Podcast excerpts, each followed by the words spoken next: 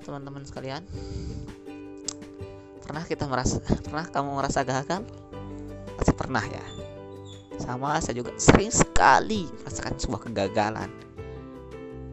Banyak orang di luar sana yang sukses karena sebuah kegagalan. Mulai dari Albert Einstein Jack Ma dan itu pendiri Pocari Sweat itu PT Otsuka Jepang itu pernah dengar ceritanya? Itu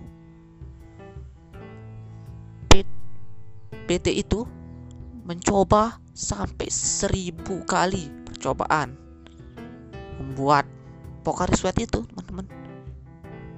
Dan bahkan dia menghabiskan 4 miliar teman-teman untuk menggratiskan dulu